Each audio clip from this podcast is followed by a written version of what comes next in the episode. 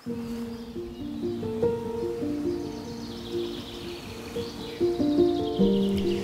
leuk dat je luistert naar de podcast van de Sacred Sex Academy. Mijn naam is Judith Bruin, ik ben de oprichter van de Sacred Sex Academy en vandaag gaan we het weer hebben over erectieproblemen. Het is nogal een veelomvattend uh, onderwerp. Um, ja, dus, en dan zit ik hier als vrouw over uh, mannenproblemen te praten en dat klinkt misschien een beetje gek. Ik zie mannen en mannen en seksualiteit ook gewoon als mensen. Dus elk mens heeft seksualiteit, inzicht, seksuele energie, daar ben je uit ontstaan.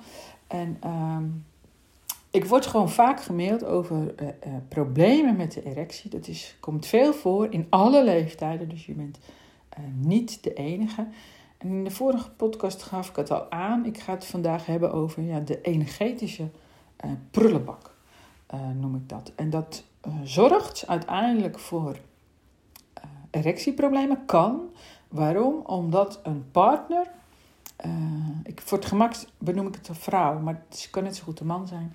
Omdat een partner, je vrouw, niet meer ontvankelijk is voor wat jij eigenlijk wilt aanbieden. Want zo is het ook. Dus heel veel mannen die, die bieden zichzelf met hun hele wezen als het ware aan middels seks.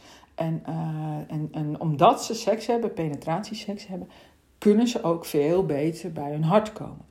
Bij een vrouw is het vaak andersom. Die denkt, ja, nee, leuk, wat jij wil, maar ik wil eigenlijk eerst die hartsverbinding. En als je verliefd bent en veel seksuele aantrekkingskracht is, dan maakt het allemaal niet zoveel uit. Dan komt het wel goed. Zit je wat langer in een relatie, dan komt dat vaker niet goed. Dus dat is al een dingetje. Maar er speelt nog iets mee en dat is die, die vuilnisbak. Um, het is een beetje plat en grof gezegd misschien, maar um, ik zal zo duidelijk mogelijk proberen uit te leggen wat ik ermee bedoel, zonder je een schuldgevoel aan te willen praten. Dit is gewoon wat er gebeurt. En het komt allemaal door onkunde en uh, onwetendheid. Dus je, bent als jongen, je bent lekker jezelf aan het ontdekken. Dat kan al vanaf je tweede, derde. Maar goed, op een gegeven moment kom je in een leeftijd en ga je nou echt wel serieus masturberen, zeg maar. Soms wel drie keer per dag, ook met de zaadlozing en zo. En je hebt heel goed door op een gegeven moment um, ja, hoe je dat bereikt, hoe, wat een lekker gevoel is. En, en vaak moet het ook wel een beetje stiekem thuis. Dus je leert ook vooral heel, hoe je dat heel snel voor elkaar krijgt.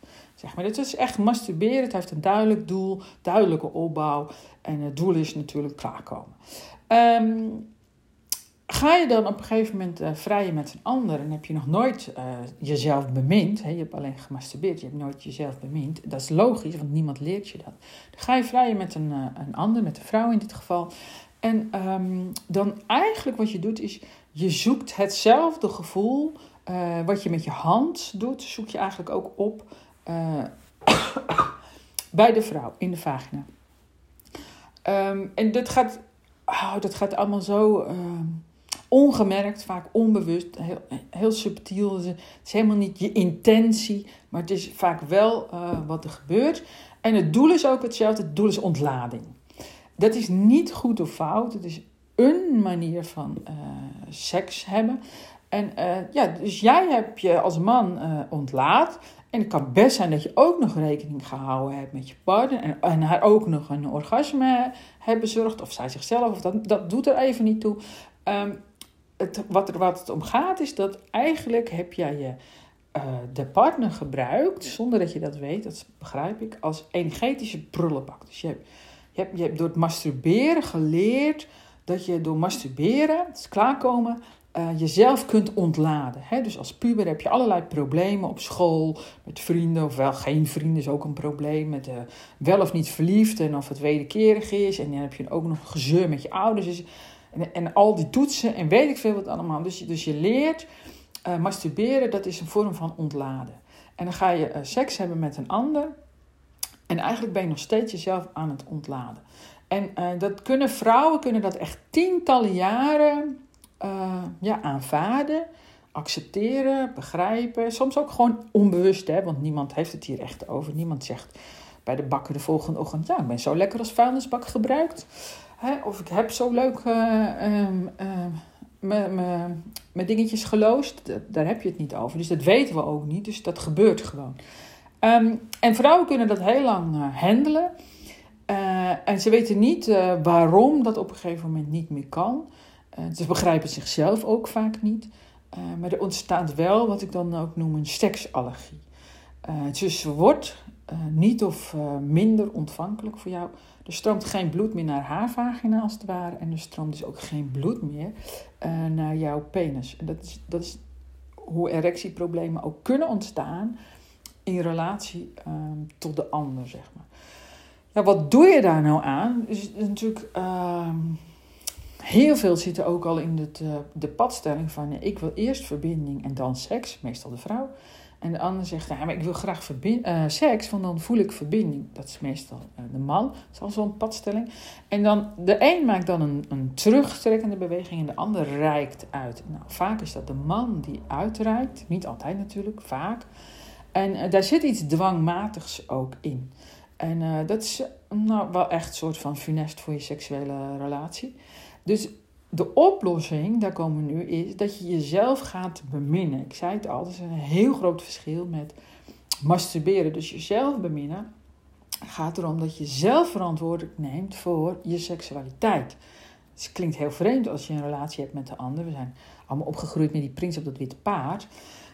Dat je dat bij elkaar moet zoeken. En dat is ook zo. Maar daarnaast uh, eigenlijk is het zo, de masturberen is de eerste fase, seks met een ander is de tweede fase. Dan ga je jezelf leren beminnen, omdat er in fase 1 en 2 ook een heleboel niet goed gaat. Maar ook omdat je je wilt verdiepen in je seksualiteit. Hè? Dus, dus fase 2 van seksualiteit is eigenlijk bedoeld om kinderen te maken. En uh, nou, als je wat langer, of maakt niet uit, op een gegeven moment wil je misschien helemaal geen kinderen meer. Maar je blijft maar seks hebben op de manier waarop je kinderen maakt. Um, het gaat, nou ja, wacht. Ik maak het af, het verhaal. En dan fase 3 is het beminnen van jezelf. Dan heb je nog steeds je seksuele organen bij nodig. Dus aan de buitenkant lijkt het allemaal een beetje hetzelfde. Aan de binnenkant gebeurt er hele andere dingen. Dat is de verdieping in je seksualiteit. En dat geldt ook voor het beminnen van jezelf. Dat doe je nog steeds met je lichaam. Heb je nog steeds dezelfde um, apparaten voor nodig, zal ik maar zeggen. Dus ik weet even niet het goede woord. Um, je hebt gewoon je lichaam, daar gebruik je daarbij.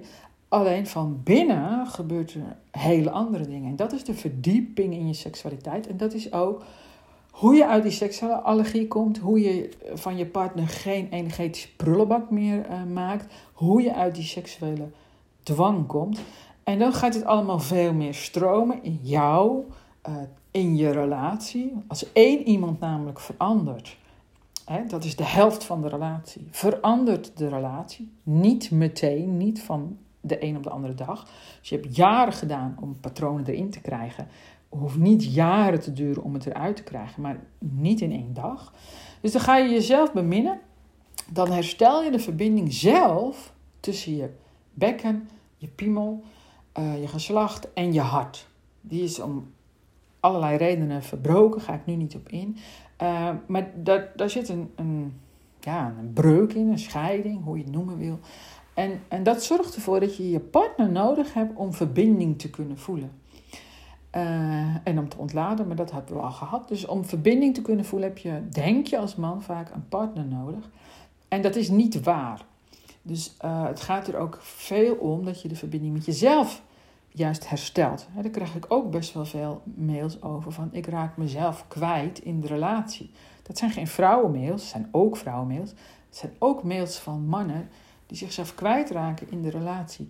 En dat komt omdat je, komt mede omdat je uh, via die ander verbinding in jezelf wilt voelen. Of misschien noem jij het geen verbinding, maar dat je je levend wil voelen. Dat je het wilt voelen stromen. Je denkt dat je daar die ander voor nodig hebt, omdat dat vroeger ook zo goed werkte.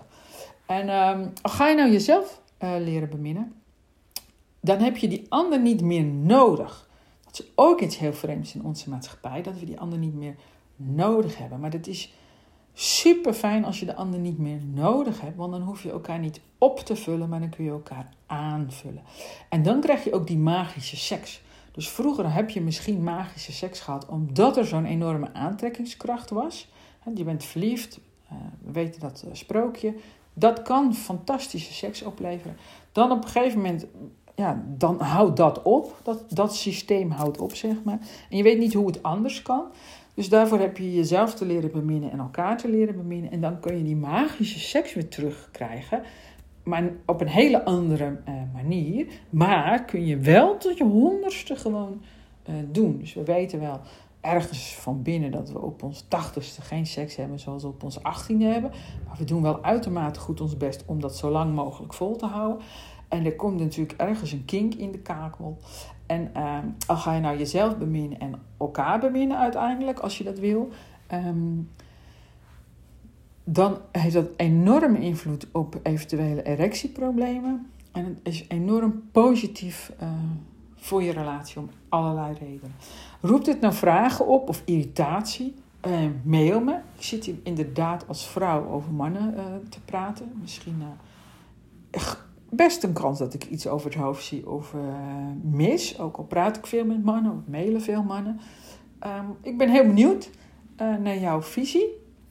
heel erg bedankt voor het luisteren. Dat betekent heel veel voor me. Want ja, als, um, ik ben toch aan het pionieren met uh, de informatie die ik verschaf.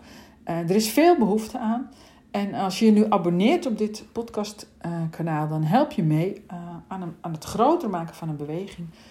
Die de seksuele beschaving ook wil laten groeien. Dus we hebben behoefte aan een seksueel veilige en inspirerende wereld. Want laten we niet vergeten dat onze seksuele energie, daar kun je seks mee hebben, maar we doen er alles mee. Dus uh, seksuele energie is het meest belangrijke wat je hebt en het hoort lekker door je heen te stromen. Het hoort eigenlijk niet voor problemen te zorgen, maar daar hebben we wel wat, wat kennis voor nodig. Die is er, je kunt gewoon een training volgen.